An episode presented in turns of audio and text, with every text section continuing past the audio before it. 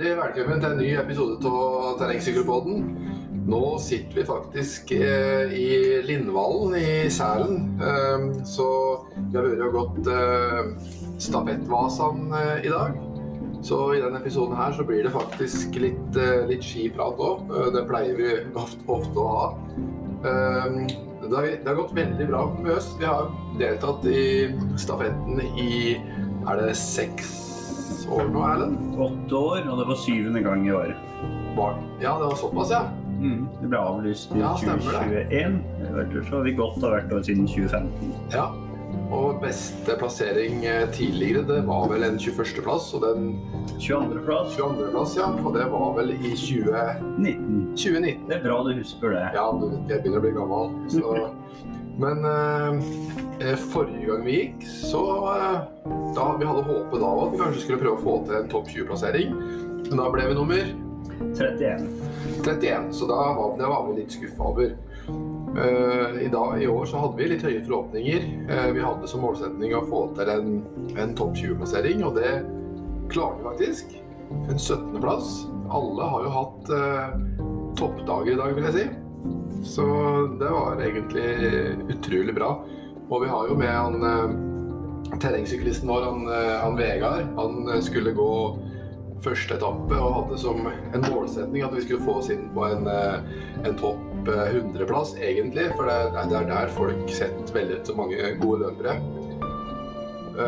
Og overrasker alle sammen med å gå inn til en var det noen og 60, eller? Det Ja. det er litt sånn vanskelig siden det er to starter, da. En klokka syv, der vi var, og en klokka ni. Han var vel noen og 30 i den klokka syv-starten, da. Ja. Og så tidlig har vi aldri vært plassert. Nei, eh, det var, det var tidlig. Mm.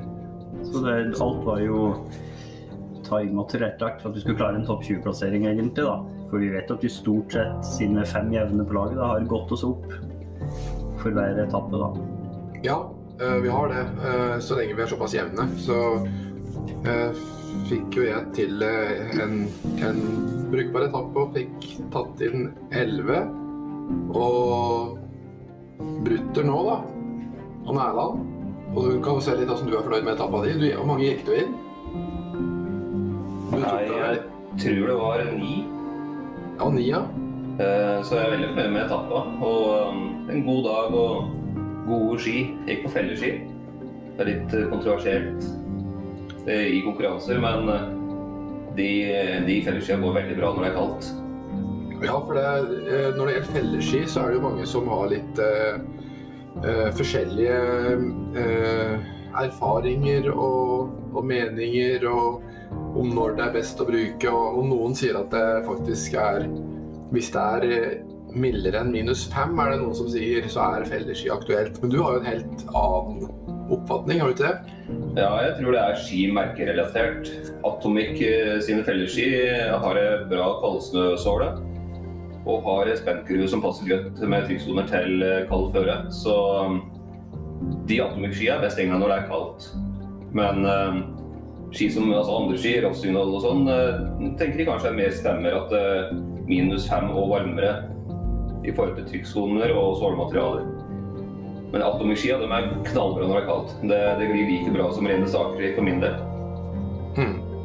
En uh, fel som mange produsenter av felleski gjorde i starten, det var jo at de ikke tok høyde for en ekstra Hva skal man si for noe? Eh, Bæringa i skiet, kammerhøyden. kammerhøyden, rett og slett. Eh, og at de produserte fellesskia for mjuke, og noe som medførte at uh, veldig mange fikk erfaring i at felleski var noe som gled dårlig. Uh, og det kan jo kanskje du se litt om.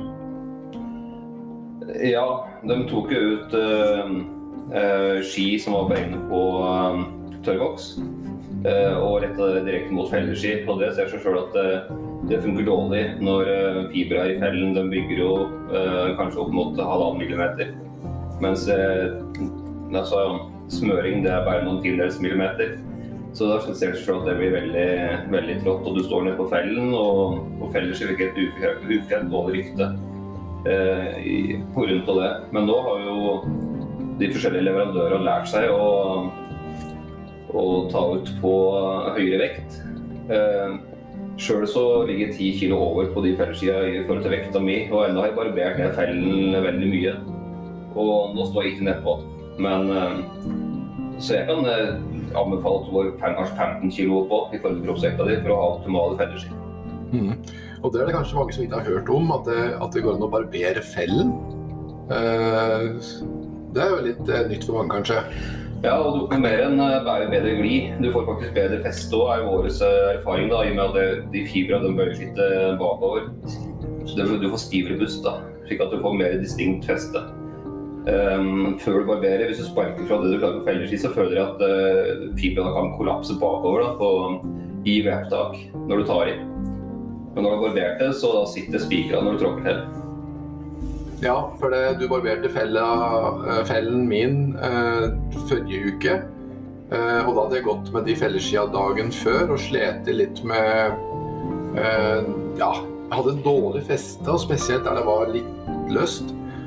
Eh, og jeg hadde heller ikke noe spesielt god glid den dagen. Eh, og dagen etterpå, da, da, tok, da tok du og barberte den fellen, og jeg fikk Jeg hadde helt spikerfeste. Jeg hadde helt rå ski altså den, den dagen der. Så, så, det er ingen tvil om at barbering av fell, eh, det er noe han kanskje bør tenke over hvis han har felleski som glir litt dårlig, eller ja, føler har litt dårlig feste. Så, så tror jeg det kan være en, eh, et lite tips. Så ja, nei, Du hadde jo en veldig god dag i dag og gikk inn mange plasser. Eh, og når du veksla, da var vi nummer når, Hvilket nummer var vi da? Det har kanskje han Erlend eh, Det har vi ikke kontroll på. Nei, jeg har ikke det i huet akkurat der. I vår jeg Nummer 16 i vår pulje, ja. Så det var jo egentlig veldig bra. Og mye, mye bedre enn det vi har gjort noen gang tidligere. Så eh, Og etter en eh, Erland, da veksler jo han med Christian, og du var jo rimelig stressa eh, på starten der. Eh, hvor lang tid hadde du ifra du kom på start til, til Erland kom? Nei, det var vel snakk om fire minutter, kanskje. Ja, fire minutter, ja. Så da har du eh, vært i, i, i eh, Sælen, og, og det som skjedde da, eh, og, og det var at det, det, det ble jo dirigert en helt annen retning enn eh, som er dobbelt så langt å kjøre da, som eh, det nordmann skulle ha kjørt. Ehm, da, da, så det ble jo ekstremt stressende, og det ble det egentlig både for deg og en, eh, Erlend som skulle siste etappa. da.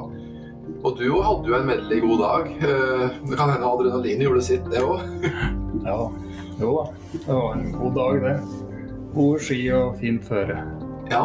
Skarpt føre. Jeg fikk forresten tilsendt en video fra Volvo eh, av deg. Ja, jeg tok en tur innom fotorommet her. Ja, har du sett det, du? Den filmen? Ja, den skal du få se etterpå. Det har vært skikkelig tøft med sånn heltemusikk og greier. Så Og du tok òg inn en del, så når vi da kom til siste etappa og og Erlend, da lå vi vel faktisk på en eh, Altså i den første pulja, da. På en, 15, tenker jeg. Det er rundt 15, ja. Så, så det, da begynner vi liksom virkelig å snuse på nesten opp mot topp top topp 10. Og da var det en Erlend som skulle i vei, da. Og gå den sjarmøretappa. Siste etappa. Ja, Så og det gikk jo veldig bra, det òg. ja da, da var jo grovjobben gjort. Altså, det var bare å holde trøkk inn, egentlig. Siste etappa så er det så mye luft mellom båtene, man ser rett og slett ingen andre, egentlig. Tok vel att noen her og der, da. Men, og vi gikk jo inn til en 17.-plass, da. 13 da på den første starten klokka syv. Mm. Og vi kan vel si at det var jo ca. 1500 lag da, som fullførte, så en 17.-plass det er veldig bra, det. Um, så jeg syns alle har gjort en kjempejobb. Det Ja, er vi stolt over. Ja. Nei, det, dette her er noe som vi kommer til å slite litt med å, å gjenta, tror jeg. Dette er, er sånn, på en måte en sånn all time high, så, så det er Det er eh, Ja, det er veldig kry nå, for å si det sånn, da. Ja, det eneste minuset da, det kan jo være at de ikke klarte å slå laget til Swix. Kan du ikke si litt om den praten du hadde med han som gikk førsteetappen på Swix-laget? Han Åge Skinstad. Ja, eh, Åge Skinstad er jo et veldig kjent navn i skiverden. Han eh, har jobba som han har jo vært både utøver på høyt nivå sjøl og trener for, eh, for landslaget i flere år. Eh, men vi traff han på Oksberg, eh, på parkeringa der. Og da sa han at oi, det er Søre Osen, ja. Ja, ja, ja. Så, så syntes han at det var litt fælt at vi var så nære dem, da. Og han sa at hvis, hvis det ble sånn at Søre Osen kom til å slø laget deres, det var noe om Swix, tror jeg så kom de til å kjøre en omvei via Flisa. Da ville ikke de kjøre forbi Sørosen. Men eh, de trakk det lengste strået og slo oss vel med noen minutter, gjorde de ikke det? Ja, noen få plasseringer. Noen få plasseringer, så vi får prøve på en revansje neste år. Så det var, det var litt moro å prate med Någo. Han er en uh, fantastisk personlighet og veldig artig å prate med. Og ikke minst da en han var en god utøver, og han er fortsatt en god skiløper, altså.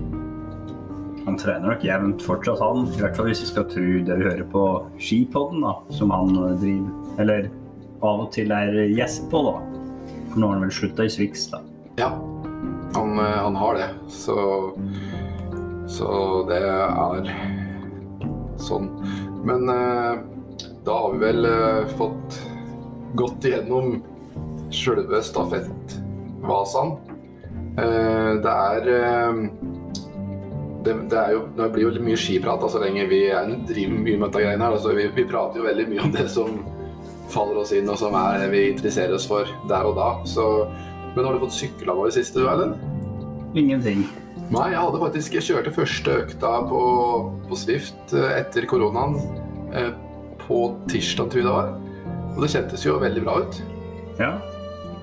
Så det er uh, tydelig at det bare man trener rolig og, bare holder hjulet litt i gang Hvis man føler seg litt skral og venter med å kjøre harde økter, så, så har man faktisk grunnlaget der allikevel, altså. Ja da.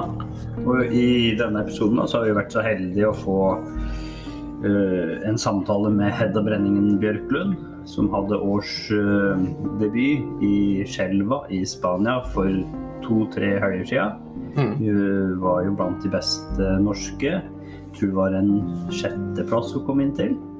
Ja, det var en sjetteplass. Og det, jeg mener det var en fire-fem minutter bak eh, totalvinneren i U23. Ja. Og det er ikke mye, altså, det er en konkurransetid på ja, rundt en time og et kvarter rundt der. Ja. Så hun er tett opp mot uh, verdens aller beste U23-ryttere. Og skal ikke se bort ifra at vi har en ny, en ny Gunn Rita Dale der, altså. Nei, på sikt så kan det jo bli det. Og hun har jo en allsidig bakgrunn som hun sikkert kommer til å komme inn på sjøl. Så skal vi rett og slett bare ta og ringe av. Ja, jeg er veldig spent på å høre hva hun sier for noe, så vi tar og ringer henne, vi.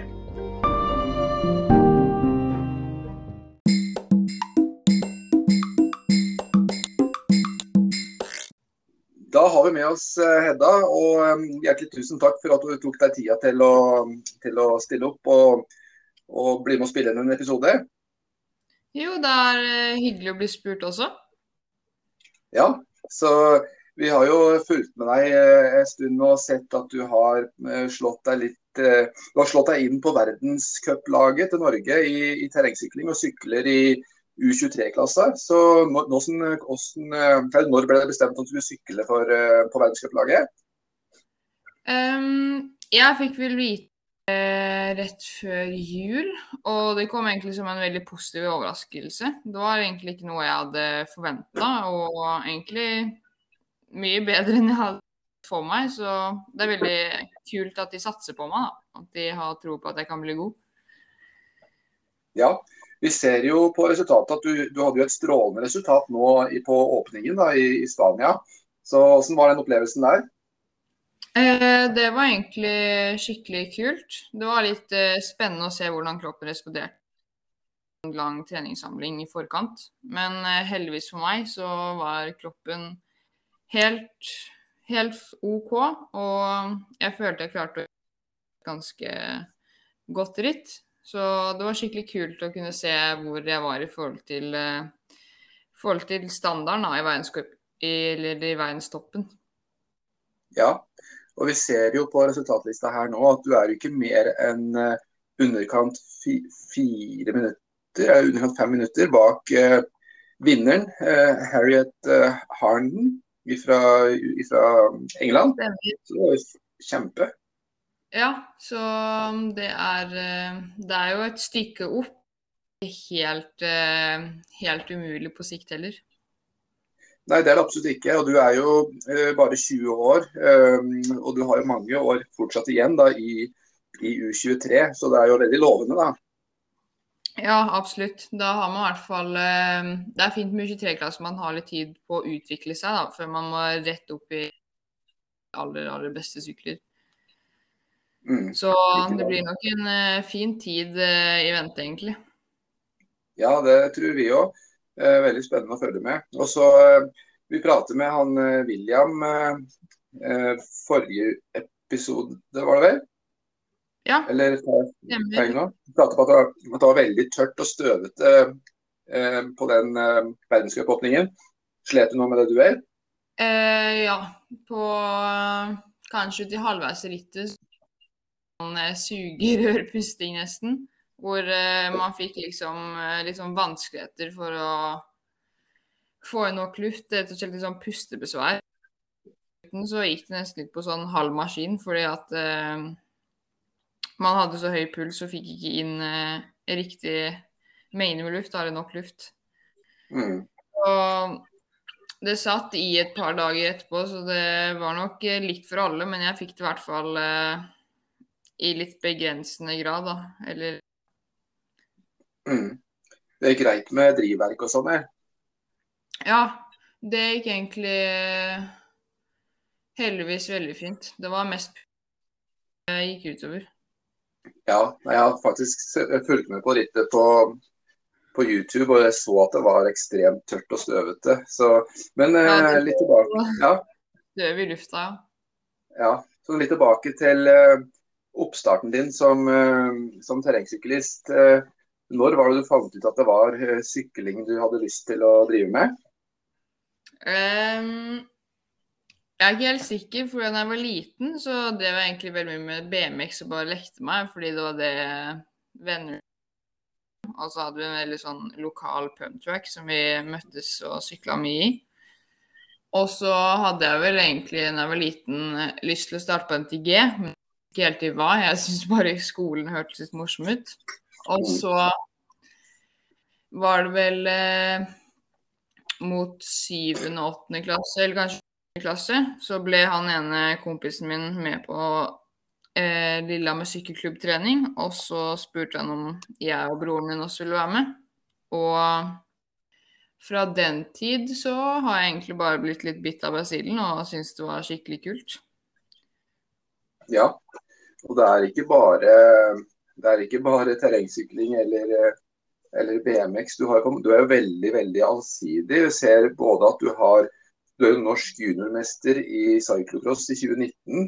Og når det var en eh, eh, Trysil Enduro, så var det jo faktisk rundbaneryttere som dominerte, og deriblant eh, du, da. Så, så du, du, har jo, du er innom alle sykkelgrener som handler om terreng. eh.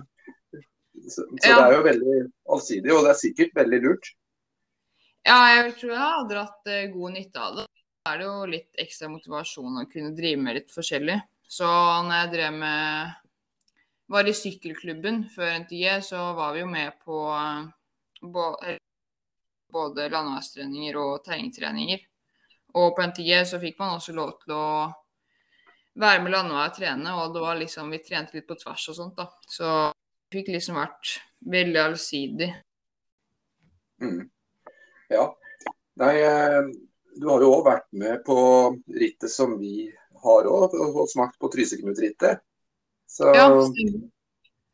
i 2020, var det ikke det? Eh, jo, det Ja. Så det blir ikke så mye, det blir ikke så mye teknikk, da, men Nei, det, det blir vel mest grus, men jeg husker. Mm, det gjør det. Så jeg har med meg en eh, kameraten min, Erlend her òg. Så han har jo en god del spørsmål han har lyst til å, til å stille deg. Så Ja. da gir jeg ordet litt til han her. Ja, hei, hei. Du, Jeg bare lurer på, er du opprinnelig fra Du prater på sykkelklubben. Er det Lillehammer sykkelklubb, eller? Ja. Jeg er født og oppvokst i Lillehammer. Ja, så du har alltid vært medlem der, da? Ja, så frem til jeg starta å sykle, så. Ja, Har du drevet med noen andre idretter, eller? Eh, Jeg har drevet mest med fotball og håndball og litt eh, ski da jeg var liten. Så det var egentlig syklinga som kom mer sånn i eh, 7., 8., 9. klasse. Idrett var litt morsommere enn lagidrett. ja, Ja, var det, men var det noe miljø for uh, sykling blant dine jevngamle jenter eller gutter i klassa, eller?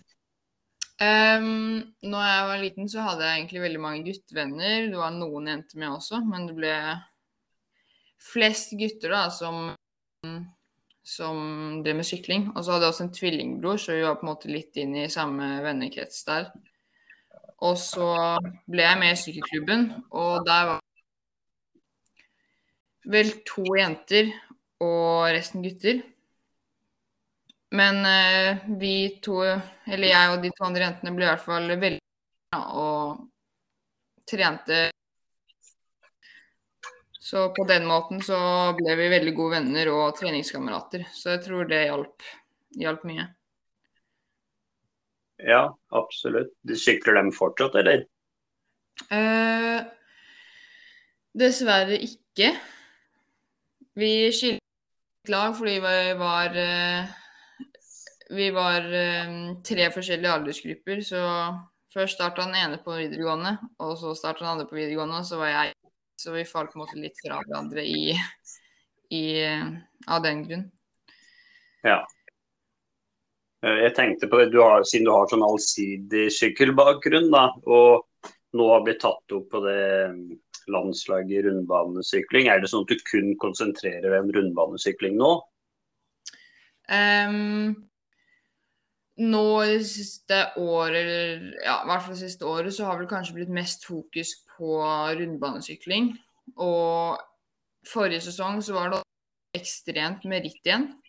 eh, Både på maraton og rundbane, så jeg hadde egentlig planer om å være med på litt landevei og enduro hvis det var anledning, men egentlig bare alle helger. Så det ble mest eh, terreng det året her, egentlig. Ja, og du vant vel Norgescupen i maraton i fjor òg, gjorde du ikke det? Jo, stemmer. Var det noe du bevisst prøvde på, skulle jeg si? Samle poeng for å dra i land den Det var seieren? vel eh, kanskje i starten at jeg tenkte at maraton var og så deltok jeg på de fleste rittene, og så så jeg vel kanskje mot eh, slutten av cupen at jeg hadde nok poeng til å vinne. Og da gikk jeg litt inn for å prøve å ta seieren. Det var ikke noe jeg hadde som mål fra starten av sesongen av, egentlig. Det var mer noe som kom litt etter hvert. Jeg tenker på det med Du sa jo det at du sykla mye ritt i fjor, og du sykler bl.a. Transøsterdalen og Det Ja. ser jo ut, egentlig ut som at jo grøvere rittet er, jo bedre sykler du. Stemmer egentlig det? Um, altså, jeg har jo prestert, uh, føler jeg, ganske greit på de lengre rittene også, men uh, samtidig så mangler jeg litt også. Sånn Hvis det er terreng, så føler jeg at jeg kan sykle ganske bra over lengre tid, men uh, jeg mangler nok litt på de lengste grusrittene. Og at det ser ut som er, jo mer terreng det er, jo bedre sykler du, på en måte. Ja, Men, jeg tror eh, kanskje jeg har teknikk ikke side, da. Ja, jeg, kom, jeg sykla jo sammen med deg på Furusjøen, var det vel. Da kom jo du som en kule bakifra når det begynte å bli teknisk nedover. Og jeg hadde ikke nubbesjans, vet du. Så jeg, jeg ble mektig imponert over teknikken din. Ja, det er moro. Så Nei, du, jeg tenkte å høre litt med deg. Vi, vi har jo prata en del tidligere i podkasten vår om eh, rekruttering til terrengsykling. Vi er jo, både jeg og Erlend er jo ekstremt glad i den, den idretten her. Og hadde håpa at eh, flere og flere kanskje åpne øya for det og fikk lyst til å drive med det. Og, og spesielt på jentesida da, så ser vi jo at det er ganske stor forskjell på antall deltakere i forhold til på guttesida. Har du, har du gjort deg noen tanker rundt uh, hva, hva kan, som kan gjøres for å øke populariteten blant jenter? Ja, det er jo et litt eh, vanskelig tema, men uh, jeg husker i hvert fall fra når jeg var litt yngre, så tror jeg det handler veldig mye om de som egentlig er i klubben, spesielt jenter, da, eller i sykkelmiljøet, som er litt eldre, trer liksom litt frem som litt gode forbilder og kan eh, vise litt interesse og omsorg for de yngre, da. Fordi jeg ble veldig godt tatt imot av de eldre, eldre jentene når jeg starta med sykling. Og jeg følte at de ble venner med en gang. Og når jeg ser meg kanskje selv nå, så var det vel kanskje mest hyggelig mot meg enn de syntes de var venn med meg. Men de var fortsatt veldig inkluderende og hyggelig, noe som jeg syns var liksom Det ble et veldig godt miljø, da. Så jeg tror hvis man har litt sånn gode forbilder, og de, i hvert fall de eldre jentene tar godt vare på de yngre, så, så tror jeg det i hvert fall kan bidra til at de som først prøver sykling, da, kan uh, like med det. Ja, det er jo veldig, veldig fornuftige tanker. eh, Og kanskje det, hadde, kanskje det hadde vært noe å tenke over, at sykkelklubba faktisk oppretta sånne her fadderordninger. Kunne det vært en idé, tror du? Ja, det kan absolutt være en idé.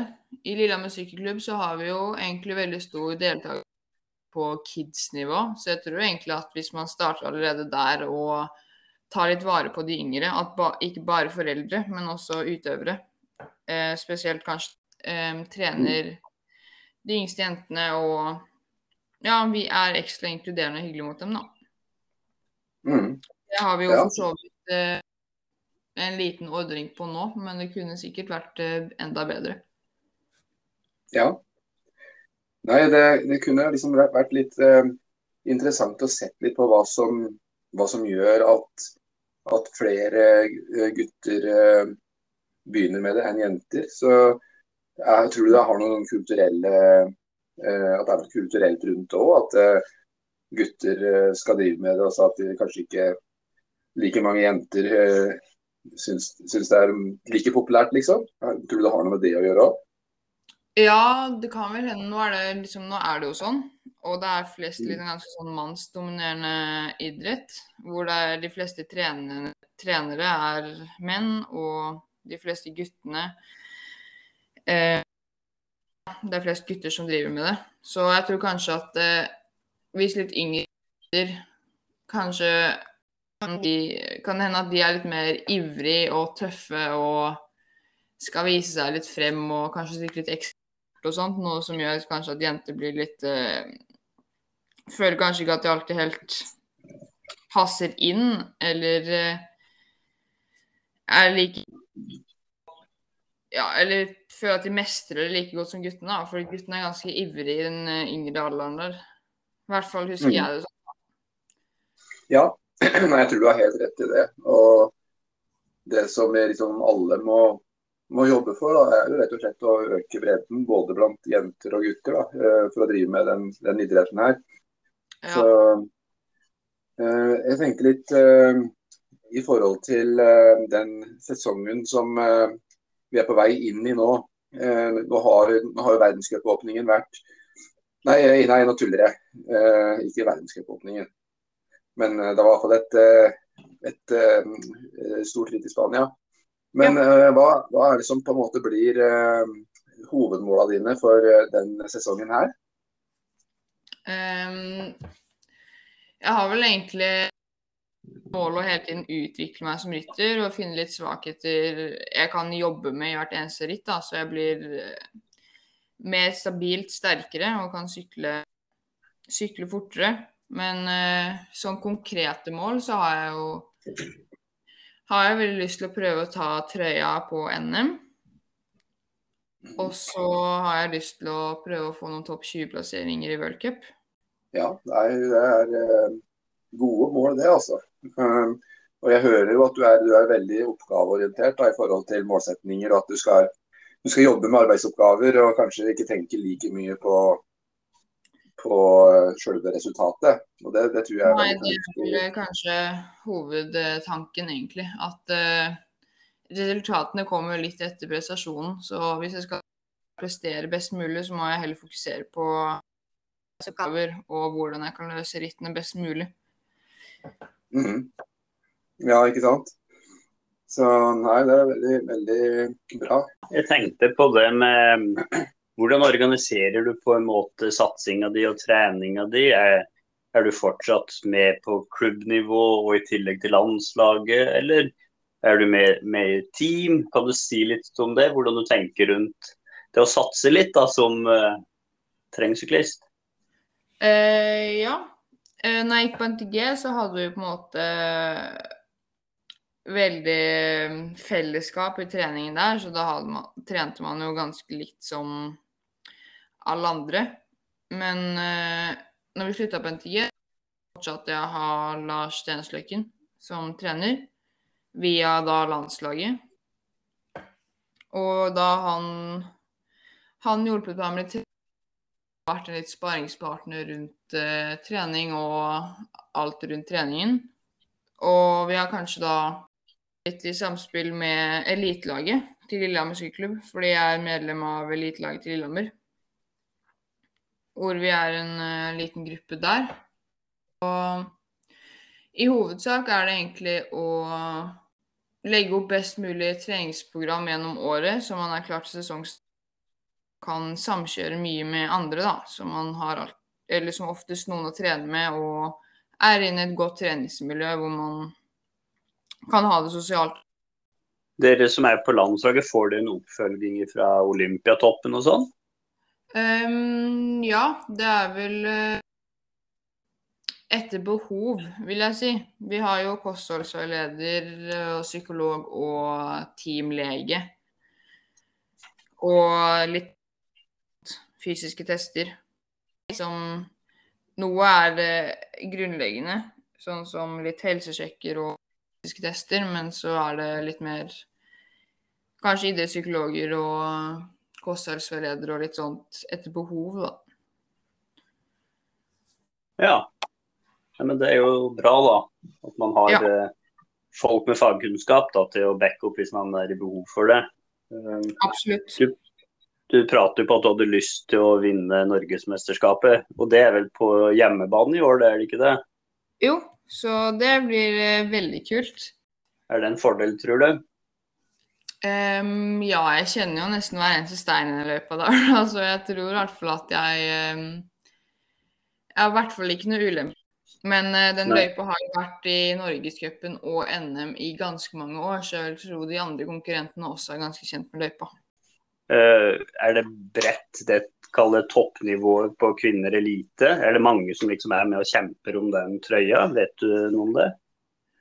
Men jeg syns det egentlig har vært veldig oppblomstra i de siste to årene. Så har det vært generelt heving av nivå på veldig mange jenter.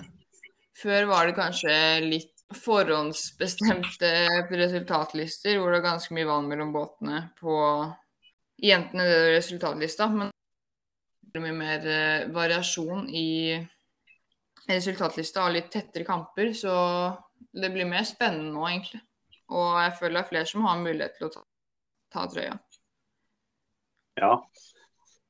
Det, det, blir spennende å følge med på det. det. det. hadde vært artig om de hadde begynt å sende litt mer sånn på riksdekkende TV òg, egentlig. Man ja. kunne begynne å følge med på Ja. Um, hva slags sykkel er det du sykler på? Jeg sykler på den nyeste Scott Spark RC-sykkelen. Ja, samme som William, er det ikke det? Jeg tror han var på det. Mm. Det stemmer. Du er fornøyd, eller? Veldig. Jeg eh, hadde jo sykkelen med til, på treningssamling i Spania, og der ble jeg egentlig helt fjellstaden. Jeg syns den var skikkelig god å sykle på. Ja. Den, eh, den sykla både veldig raskt eh, nedover og veldig komfortabel nedover, samtidig som den var skikkelig sånn responsiv oppover igjen. Da. Så det var egentlig veldig god allround-sykkel. Ja. Um, hva, hva, blir liksom det neste rittet for deg nå? Skal du nå til utlandet igjen? Um, jeg har vel uh, Først så blir det norgescuphelger, og så er vel planen at jeg skal sykle én eller to uh, helger med worldcup etter det i eh, kanskje Tyskland og mest sannsynlig i Tsjekkia. Ja. Det er vel det første. Så det starter vel rundt uh, 20 uh, Ja, ikke helt sikkert. 22. april tror jeg det starter med Norgescup i Vigrestad. Utenfor Stavanger. ja. Så du er egentlig en hard treningsperiode fortsatt, da, skjønner jeg? Eh, ja, nå har vi hatt eh, tre uker i Spania, så en litt eh, roligere periode for å komme seg ordentlig på plussiden etter det. Og så tror jeg man eh, skal legge inn en god treningsperiode før eh, sesongstart igjen. Ja, det blir iallfall eh, veldig, veldig spennende å følge med på deg utover i sesongen. Og vi kommer nok til å, å se, følge hvert eneste resultat, jeg og Erlend, tenker jeg. Og eh, det kan vel eh, veldig meget hende at vi kommer til å ta kontakt igjen for å, for å høre litt mer hvordan det går utover. Og eh, vi skal jo Ja, så vi har jo tenkt å sykle noe Norgescup og, og kanskje NM på rundbane, vi òg. Så da kan det hende at vi kan ta noen, noen sånne live-intervjuer der og da. Så det kan jo bli veldig spennende. Ja, det var Så, kult. ja, så får vi i hvert fall eh, eh, si hjertelig tusen takk for at du ble med oss. Og vi syns det har vært eh, skikkelig interessant å høre hva du har sagt. Så tusen takk. Jo, bli med. Ja, så får du ha det bra. Jo, ha det bra.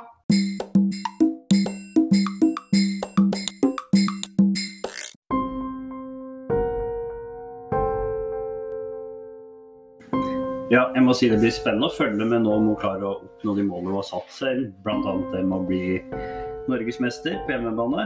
Det må jo være stort for en ung terrengsyklist.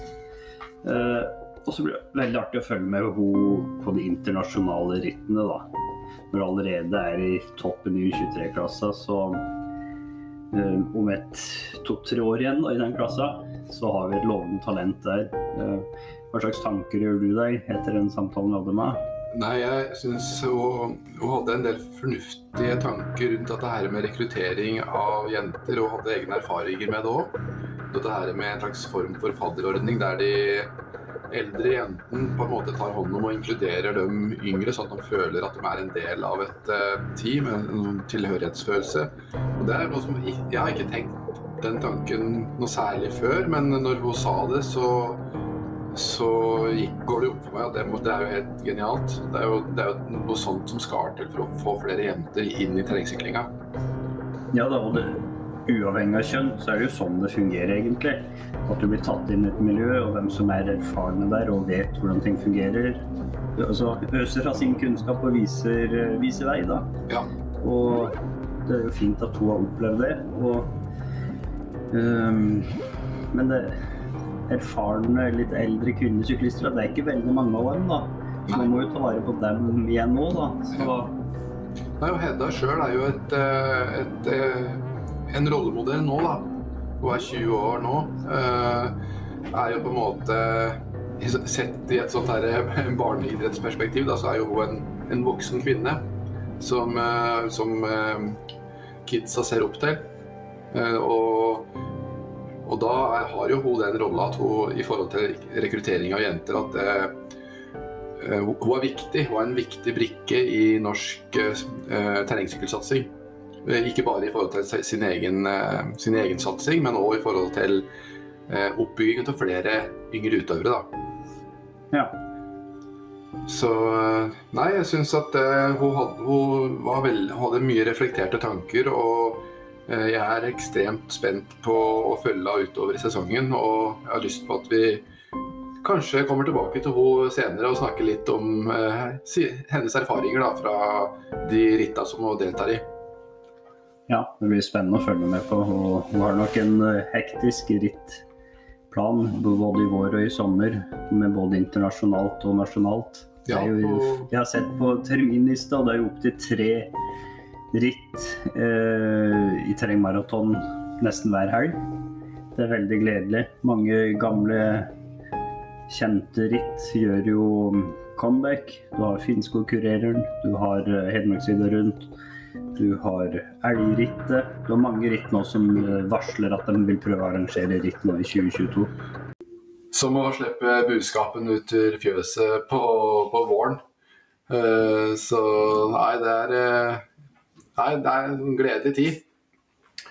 Så det, nå tenker jeg egentlig at det vi rett og slett eh, ønsker alle sammen en eh, kjempefin treningsuke. Eh, vi er som vanlig tilbake neste mandag, eh, så da høres vi da.